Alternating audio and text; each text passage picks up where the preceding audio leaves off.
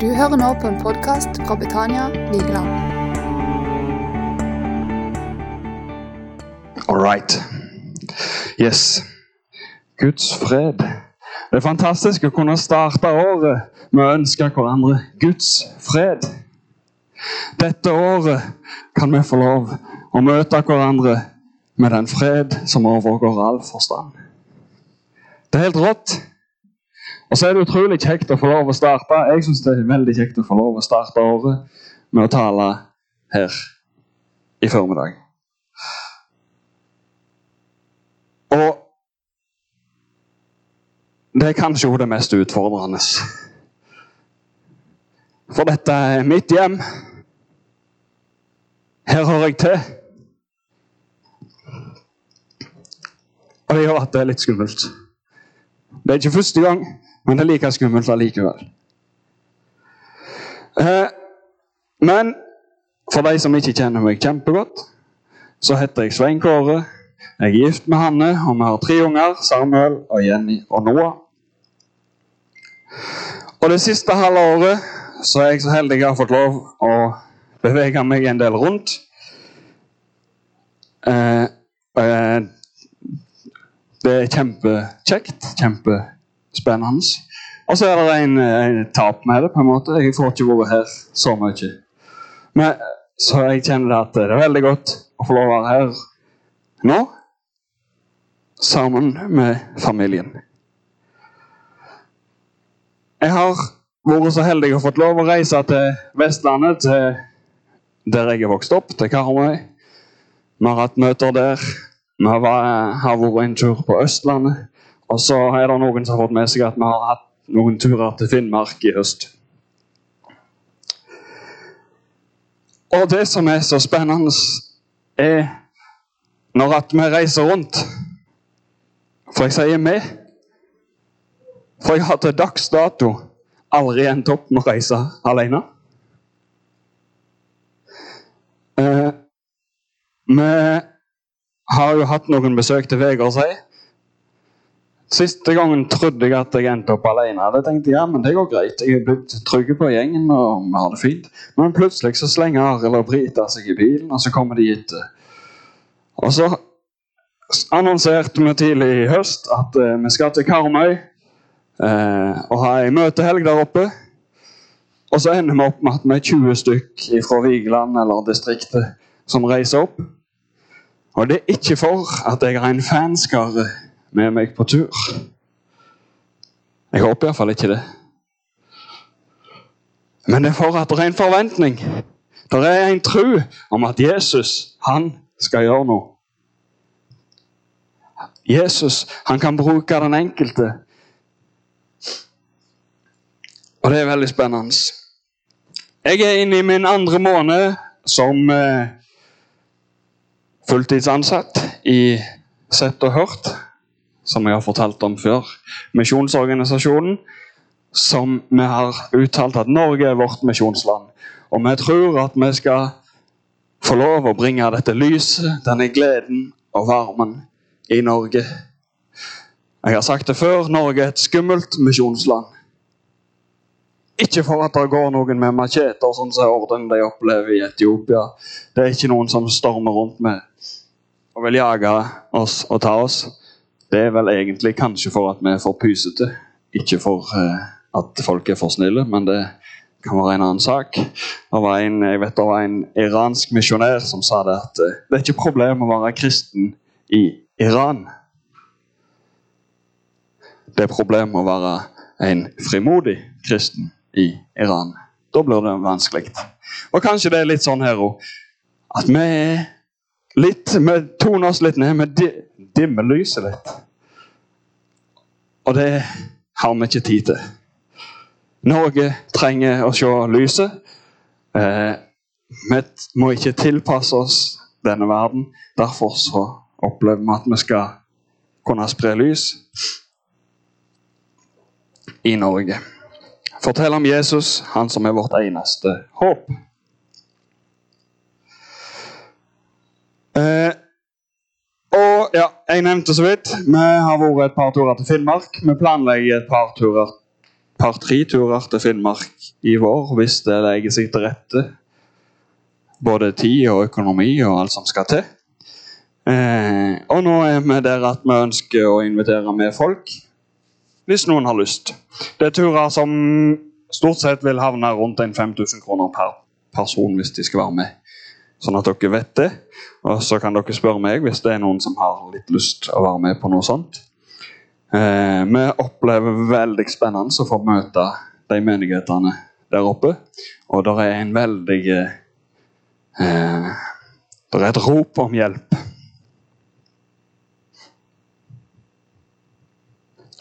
Og så tror jeg at eh, med å reise på sånne turer så vekkes det noe i oss. En nød for noen. Kanskje noen kan kjenne på et misjonskall til Norge, eller hvis du reiser på andre misjonsturer, så vekkes det noe i oss som gjør at vi får et ekstra hjerte for de plassene en besøker av og til. Eh, Derfor har vi lyst til å ha med oss flere folk som kan få hjerte for de der oppe. Og så I sommer så kommer vi til å annonsere eller vi annonserer en tur nå ganske snart for ungdommer for å være med på ungdomsleir. Som egentlig er første grunnen til at vi reiste til Finnmark. Ja, at Vi hørte om en ungdomsleir som samla sju ungdommer på leir, og de hadde det fantastisk. Hvis vi har sju ungdommer påmeldt på leir, så avlyser vi leiren. For vi er for få. Det er for dyrt. Den leiren har vi lyst å være med og påvirke. Har noen lyst til å finne en serviett? Dette går skeis hver gang. Eh, eh, så hvis, dere, hvis det er interessant å høre om de turene og sånn, så si ifra til meg, så skal du få informasjon når det kommer opp på Facebook og, eh, og hjemmesida etter hvert. Yes. Det får være nok info. Eh, jeg vet ikke hvorfor du kom her i dag. Jeg vet ikke om du kom her for at det gjør du hver søndag klokka 11. Da er du på møte. Jeg vet ikke hva tanker du hadde gjort deg.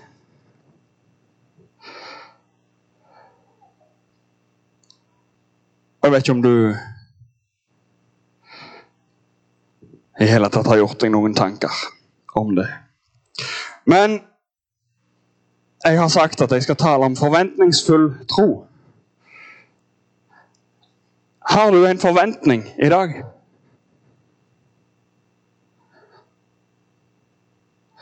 Har du en forventning i dag? Noen har en forventning. Veldig bra. Veldig fint. Eh, altså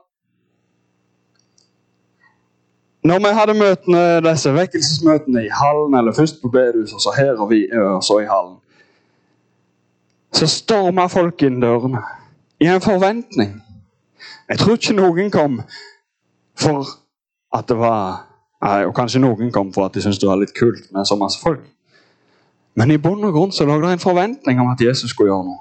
Og den forventningen den kan vi ha med oss i dag. Når jeg var oppe i Finnmark nå siste gangen, så besøkte jeg en menighet i Vestre Jakobselv. Eh, på vei bort så hadde jeg henta Magnus på flyplassen. Han kom et par dager etter meg. Og så eh, sitter jeg i bilen og tenker over hva jeg skal tale om, og har på en måte fått at jeg skal tale om tro med forventning. Og Hvis du hadde sett eh, både alder og antallet på møtene der oppe, så hadde du stussa på Ja, er det et poeng å gjøre det her? Hva venter de på? Altså, De venter jo, ja, du skjønner tegningen, det, det er ikke så langt igjen. på en måte. Hvor mye mer forventning trenger de? Altså, du blir liksom sånn. Ja. Men så, mens jeg sitter så tenker jeg og ber over det og sånn, og får god tid i bilen for at en svipptur til flyplassen for Henta Magnus tar to og en halv time hver vei der oppe, så det, det er bare en svipp. Eh, og så er det som Gud sier, dette skal du tale på Betania. Forventning, tro. Dette må vi starte året med. Og Det ble ganske spesielt å tale om forventning i Vestre Jakobselv. For vi var åtte-ti stykker på møtet. De er to medlemmer i den menigheten. Ei på 70 og ei på 90 år. Det er medlemstallet i den menigheten. Men vi var åtte stykk. Det var to besøkende under 40 pluss meg og Magnus. Så kan si, nei, vi var ti stykker, da, for det var noen. Ja. Men det er godt voksen gruppe. Og så taler jeg om tro. Å kunne gå med en forventning for å vinne den bygda, for å vinne sine naboer. Og så kan en jo tenke, når en da åpner opp for forbønn hva, hva respons vil du få da? Der kommer de fram, den ene etter den andre på 70-80 år. Jeg ber om frimodighet til å nå ut til mine. Jeg ber om legedom for meg, og jeg ber om legedom for naboene mine. De kom med en sånn forventning til at Jesus kunne og ville gripe inn. Har jeg en sånn forventning? Har jeg en sånn tru? Tør du å ha en sånn forventningsfull tru til at Jesus kan og vil gripe inn?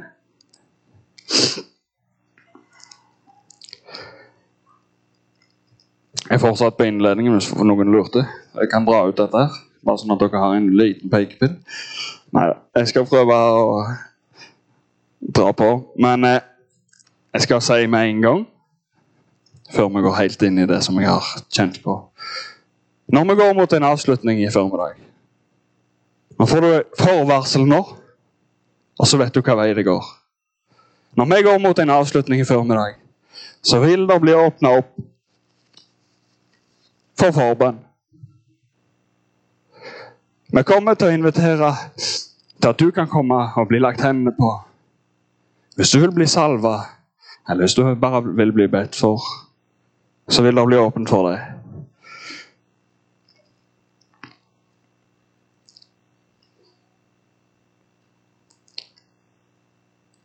Kanskje du sitter her, og dette her som jeg skal tale om, dette med forventning og tro, kanskje det gir deg ingenting, for dette med Jesus det har du ikke helt fått taket på i det hele tatt. Men Jesus han står og speider til deg i dag. Jeg kjenner ikke alle, men jeg vet at uansett hvor du er, så vet jeg at Jesus han står med åpne armer for deg. Og kanskje du kjenner i løpet av denne formiddagen at det Oi at Jesus han minner deg om noe kanskje du skal komme og søke forbønn for. Eller kanskje du skal komme og be om legedom. Jeg tror og jeg har en forventning til at Jesus kan gripe inn. Den Jesus som du leser om og vi leser om i Bibelen, det er den samme som er her.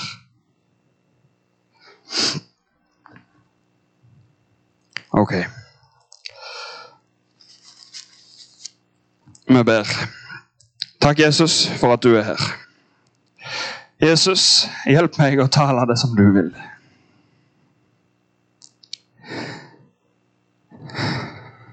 Hjelp oss å sitte med åpne hjerter for hva du taler i formiddag, Jesus. Hver og en, la oss få lov å sitte med hjertene åpne og vente mot deg, Jesus. Og så ber jeg deg om nåde og fremodighet til å tale det som du vil, og det som du sier, Herre Jesus. Jesu navn.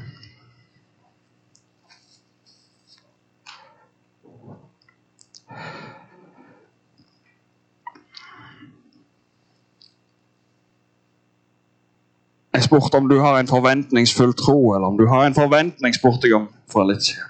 Jeg skal ikke ta en håndsopprekning om du kom med forventning i dag, eller om du bare kom tilfeldigvis. Det skal vi ikke ta en sjekk på. For jeg skal være den første til å innrømme at jeg har gått på nok av møter bare for at det skal jeg gjøre. Det har jeg bestemt meg for. Og det er fint. Det er fint å gå på det en har bestemt seg for. Jeg har gått med unger, og jeg føler av og til jeg har kommet med unger under en, hver arm og en mellom beina og tvunget meg på møte for at det er bra. Men så vet jeg at de gangene jeg kommer og kjenner at jeg har virkelig en tro og en forventning til at Jesus han vil og han kan gripe inn, så gjør det noe med meg. Og kanskje du hadde en eller annen forventning i dag. Kanskje de ikke var så høye, for Svein Kåre han er ikke så vant med å tale. Eller kanskje de var veldig høye. Da håper jeg ikke at det var til meg du hadde høye forventninger, men til Jesus og hva han vil gjøre. En gang eh, Jeg husker en som jeg jobba med når jeg var lærling. Han starta, og dette her uttalte han så seg hver dag, at dette kom til å bli en drittdag. Denne dagen er kjip. Og han uttalte det høyt og tydelig at denne dagen er fæl. Og så blir det jo da sånn at du må spørre hvorfor og hva. Nei, for hvis han starta der nede, så kunne du bare gå oppover. på en måte.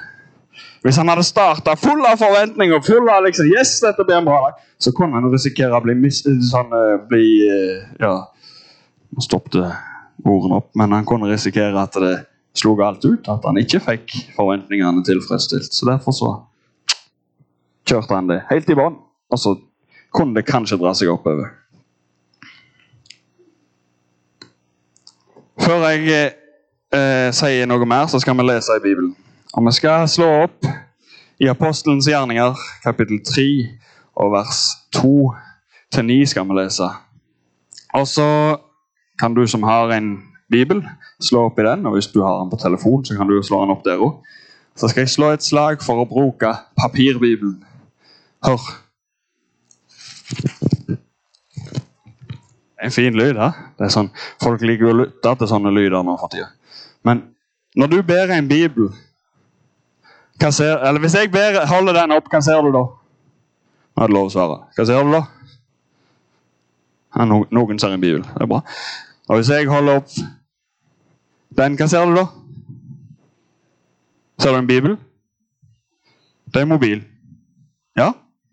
Eh, knallbra med gadgets. og Jeg elsker gadgets. Eh, kunne jeg hatt Bibelen i brilleglasen, så hadde jeg sikkert hatt det. Men jeg, må, jeg har blitt veldig glad i å kunne bla i papir. Bibel. Så jeg vil at vi skal slå et slag for det og begynne å dra den med oss der med. For det kan til og med vekke noen spørsmål, så du kanskje blir pusha utpå til å dele et lite vitnesbyrd. Men i Apostelens gjerninger, kapittel 3, vers 2-9, leser vi. Mens de var på vei opp, ble det båret fram en mann som hadde vært lam helt siden han var født. Hver dag ble denne mannen båret opp til den tempel Eh, til den tempelporten som kalles Den fagre, for å tigge. Han hadde håpet at folk av barmhjertighet ville gi ham penger på vei inn i tempelet, og da han så Peter og Johannes, ba han dem om penger. Johannes og Peter så på han og sa, 'Se på oss.' Og han stirret forventningsfullt på dem og håpet de skulle gi ham penger. Da sa Peter til den lamme, sølv og gull har jeg ikke, men det jeg har, men det jeg kan eh, Nei, nå står det Sølv og gull har jeg ikke, men jeg kan gi deg det jeg har. Jesus fra Nasaret vil helbrede deg. Hans kraft vil gjøre deg frisk. Stå opp og gå i Jesu navn. Da Peter hadde sagt dette, tok han mannen i høyre hånd og dro han opp på beina, og i samme øyeblikk fikk han styrke i anklene sine. Denne mannen, som hver dag hadde blitt båret fram til tempelet, han satt der, og han hadde nok et snev av forventning hver dag. Hvis ikke så hadde de jo sikkert ikke gjort det, for han hadde nok et tro om at det, det kanskje kunne renne inn noen kroner. Han satt der og så ser han at det kommer to gående. De var kanskje flere, men nå er det Peter og Johannes som det refererer til. De kommer gående. Og tilfeldigvis så er det to personer som nettopp har fått Den hellige ånd. Og de er i fyr og flamme for at Jesus han har gitt dem den som han talte om. Den som han sa de skulle få Den kraften hadde de nå opplevd at de hadde fått. Jeg skal ta det med, for det, eh, det står noen vers som de hadde, som Jesus sa til dem lenge før. Står i Johannes 14, 12-14. Så står det jeg forsikrer dere om at den som tror på meg, han skal også gjøre de gjerningene som de samme uh, ga- Sorry. Jeg forsikrer dere om at den som tror på meg, skal kunne gjøre de samme jeg har gjort. Jeg skal snart gå tilbake til Gud, min far. Men dere er fortsatt her på jorden, og derfor kan dere med Guds hjelp gjøre enda større ting enn de jeg har gjort. Dere som tror på meg, kan be om hva som helst i mitt navn, og jeg kommer til å svare dere. For slik vil Gud bli æret og opphøyd gjennom meg. Dersom dere ber om noe i mitt navn, da skal jeg gjøre det. Dette hadde jo de fått før. Jesus hadde sagt til dem dette. Og så hadde de plutselig fått Den hellige ånd. Og så møter de en fyr som står og rister på koppen og bare skulle hatt noen kroner. Forventningen hans stopper der. Kan jeg bare få noen kroner?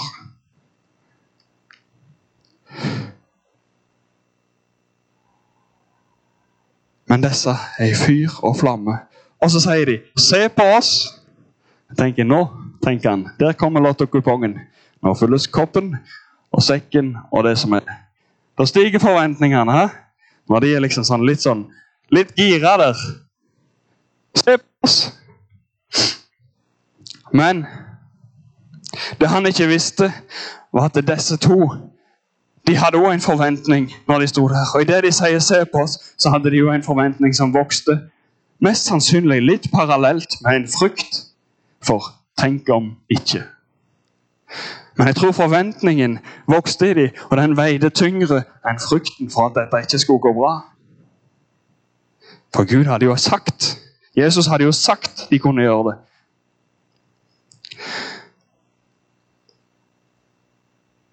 De har ingen penger, ikke sølv og gull å by på. Men de sier, 'Men det jeg har, det kan jeg gi.' Og i Jesu navn stå opp og gå. Bam! Så reiser han seg opp. Jeg tenker at tankene spinner fort i topplokket til Peter og Johannes der. Wow! Det funka! Hvis forventningene ikke var høye da, så vokste de iallfall. For forventningene våre de bygges for hver gang vi hører noe eller vi opplever noe, vi ser at det skjer noe. Når, du sitter, når ungene sitter foran juletreet og ser på haugen med pakker, så er det en forventning om at «Woo, her er det noe. Her er det noe stort. Her er det noe gøy. Her er det noe jeg ønsker meg. Men hvis de hadde begynt å åpne på de pakkene vi hadde her på julaften, så for hver pakke så hadde forventningene dalt. For det, tom, det ville vært en tom pakke etter en tom pakke, pakke etter en tom pakke. Men på julaften så begynner en å åpne pakker, og så er det Å, det er akkurat den jeg ønsker meg. Og så vokser forventningene. Oi, det er akkurat det jeg skulle ønske meg. Kanskje det er sånn for deg som er voksen nå. Jeg er iallfall litt sånn. Forventningene de vokser når vi mater på. Og det du snakker, det du sier, det jeg sier, det gjør noe med dine og mine forventninger. Det står om ei dame i Bibelen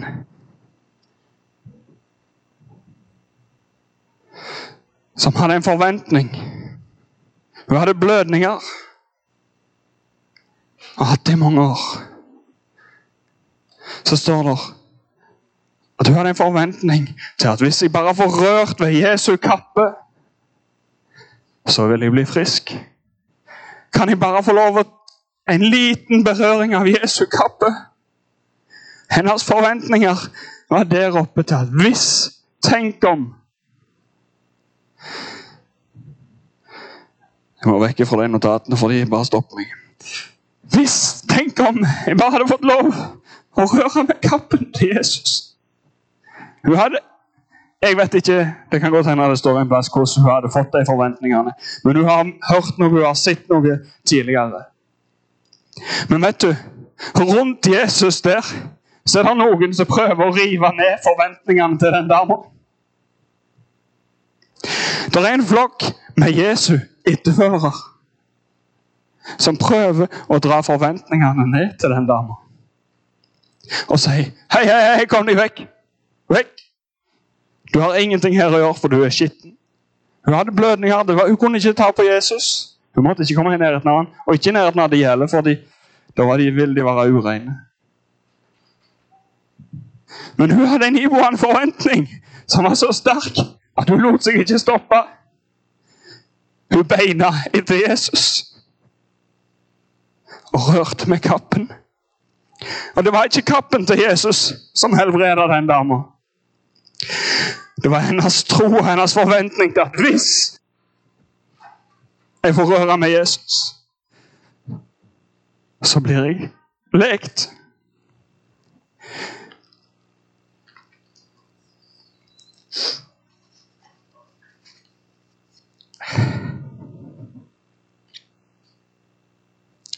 Tør vi ha en sånn en forventning?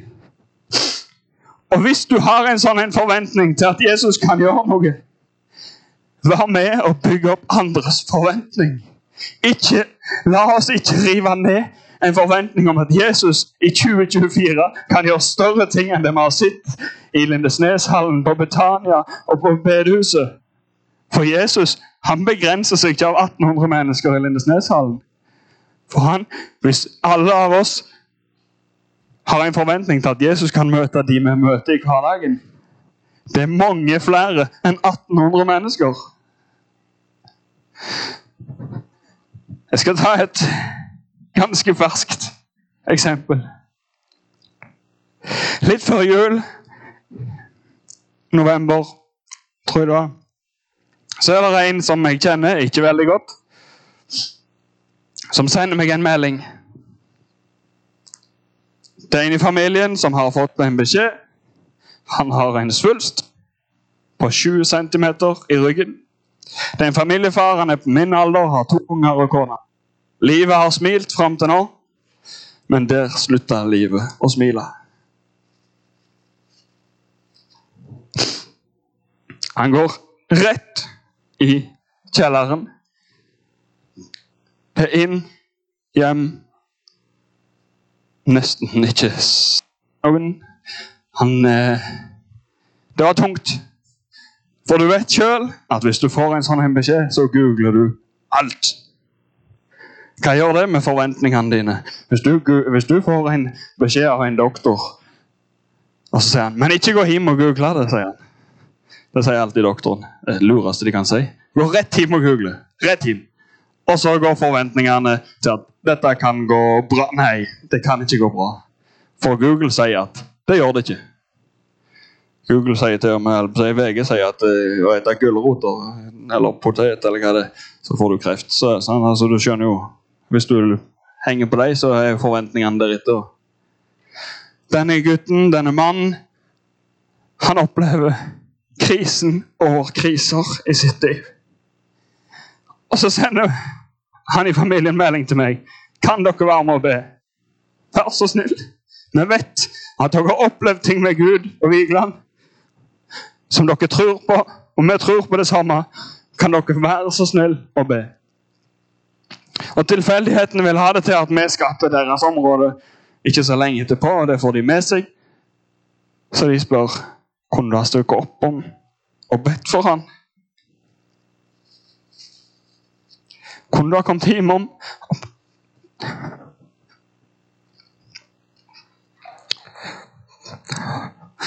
Da blir jeg veldig liten. Jeg er ikke så stor fra før, men jeg blir veldig liten. Men så klart, jeg tror på en Gud som lege. Jeg tror på en Jesus som kan gripe inn. Så jeg sier ja, jeg kan være med. Men husk, det er ingenting spesielt med meg. Det handler ingenting om meg. Det var veldig viktig for meg å presisere. Jeg kommer hjem til denne gutten eller denne mannen Vi har en fin prat. Han kan fortelle om at i vennegjengen der, der De har mange kristne venner i familien, men der ligger liksom, de har hatt et fint forhold. sånn. Kanskje sånn som mange av oss har hatt det i mange tider. Og har det. Vi har et greit forhold til dette med tro. Ja, vi kan be litt. Men kompisgjengen der hadde gått fra å ha snakk om fot og alt mulig, til at plutselig når de kom sammen, så kunne de be sammen. De snakket om Jesus. De snakket om tro. Det kunne han sitte og fortelle. Han kunne fortelle at kompiser som aldri hadde sendt bibelvers før, sendte på bibelvers. Venner som han nesten ikke visste var kristne, sendte. Jeg ber for deg. Jeg får iallfall be for denne mannen. Og mens vi er i Finnmark, så får jeg melding fra han som hadde fått den eh, beskjeden om han hadde en svulst. På ny kontroll. Takk, Jesus! De hadde bilder av 7 cm kreftsvulst i ryggen på han. De fant ikke ei kreftcelle, og han var 3 cm liten svulst. Det er ene alene Jesus som har gripet inn, skriver denne mannen. Han hadde en forventning. Derfor turte han å be om at noen skulle be med ham. Han ba sjøl i forventning om at han og visste at Gud kunne og ville gripe inn. Og så kan vi ikke forklare de situasjonene som ikke går sånn som vi tenker. Jeg kan ikke forklare hvorfor ikke alle blir helbredet.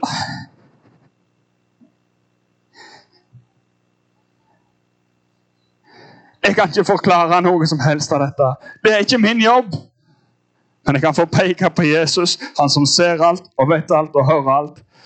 Det står at vi har mer enn seier i han. Hvis vi bygger våre forventninger på det Jesus har for oss, hvis du og vi kan få lov å bygge våre forventninger på Guds ord i 2024 Wow!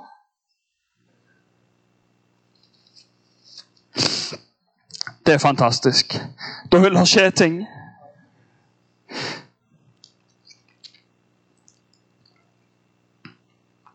Jeg vet at vi har et lederskap.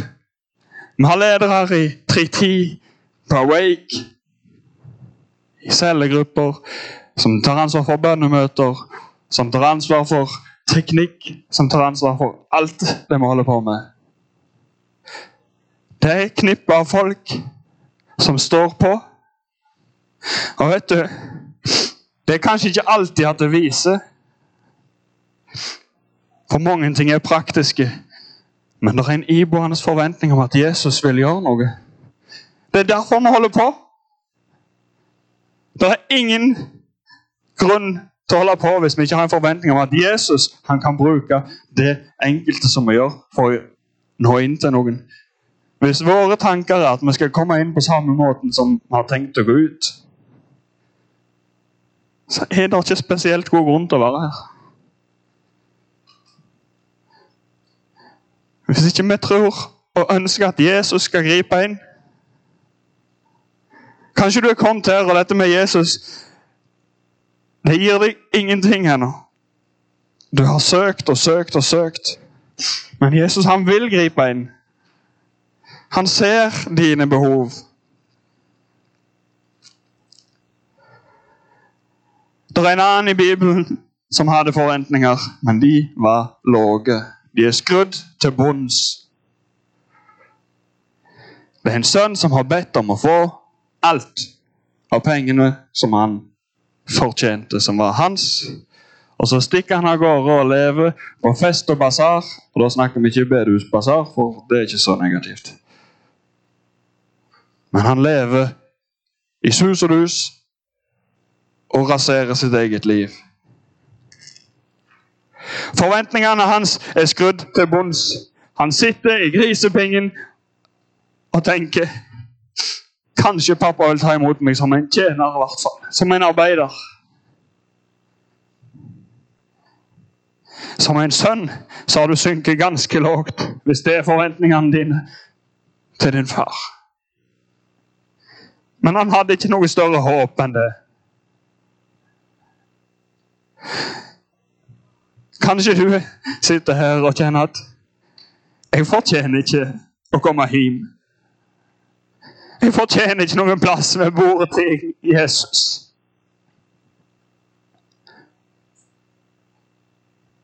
Jeg har rota det til og ødelagt det som er. Jeg har ingenting her å gjøre. Vet du, denne faren sier ikke til denne gutten du må få stell på livet ditt, få vasket deg og ordnet deg og komme med nye klær. Da skal du få komme inn. Denne faren sier til denne gutten velkommen hjem. Gå og vask deg, så skal du få nye klær, så skal vi ha fest. Forventningene hans som var så skrudd til bunns, de kunne nå gå opp. For denne faren viste han denne kjærligheten. Jesus han viser den kjærligheten. Han vil at vi skal vise den kjærligheten der ute. Hvis alt håp er ute, hvorfor skal vi sitte inne da? Der ute er det nok av folk som har forventningene her nede. Men det kan det òg være her inne. La Jesus få lov å møte dine behov, om det er lave eller høye forventninger. Han kan gripe inn akkurat i din situasjon. La oss få lov å gå videre med en forventningsfull tro til at Jesus kan og vil gripe inn. Til at Jesus kan og vil helbrede. Han kan og vil møte de som er fortapt der det er bare et eneste stort mørke, der kan han komme med lys. Lys og varme.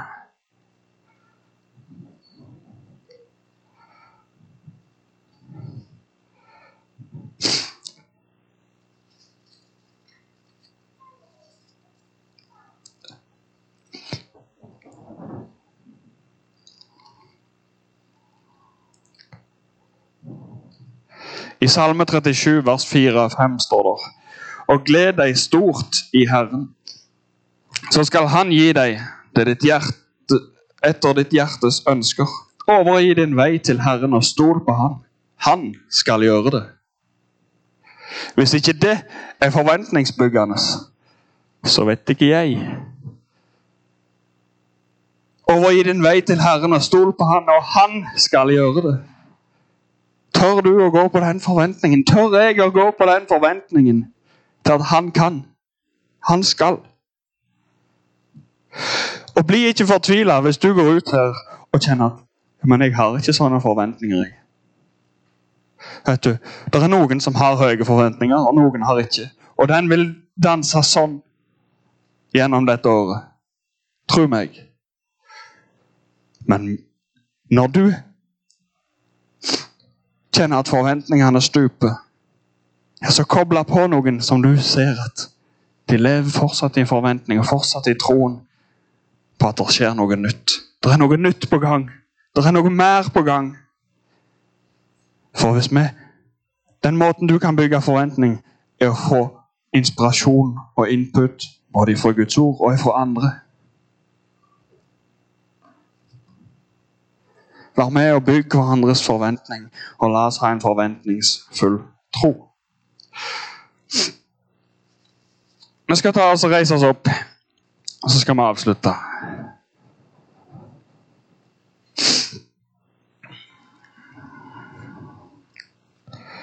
Vi kan egentlig gjøre oss klare til å synge. Uh,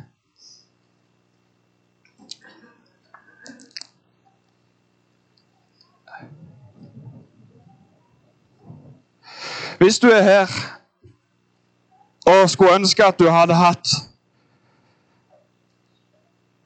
en mer forventningsfull tro Hvis du er her og tenker at Året i år starter kanskje ikke der du skulle ønske. Det starter kanskje med lave forventninger. Det starter kanskje ikke så bra som du skulle hatt lyst til. Eller kanskje du har andre ting som gjør at du ønsker virkelig å få en større, en mer forventningsfull tro til at Jesus kan bruke deg i din hverdag der du er på skole eller jobb. Jeg tror at vi kan få lov å be om at den forventningen skal fylle, at Gud skal fylle deg med en sånn en frimodighet og forventning til å gå på det.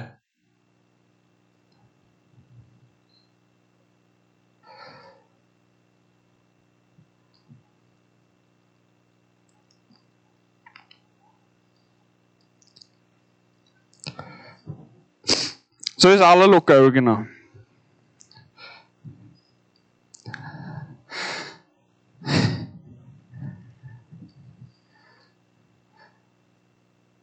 Hvis du står her nå og tenker at Gud, jeg trenger at du fyller meg med, med din kraft og din glede og et håp ifra Han, sånn at din forventning kan vokse sammen med Jesus, så ønsker jeg at du skal løfte opp ei hånd.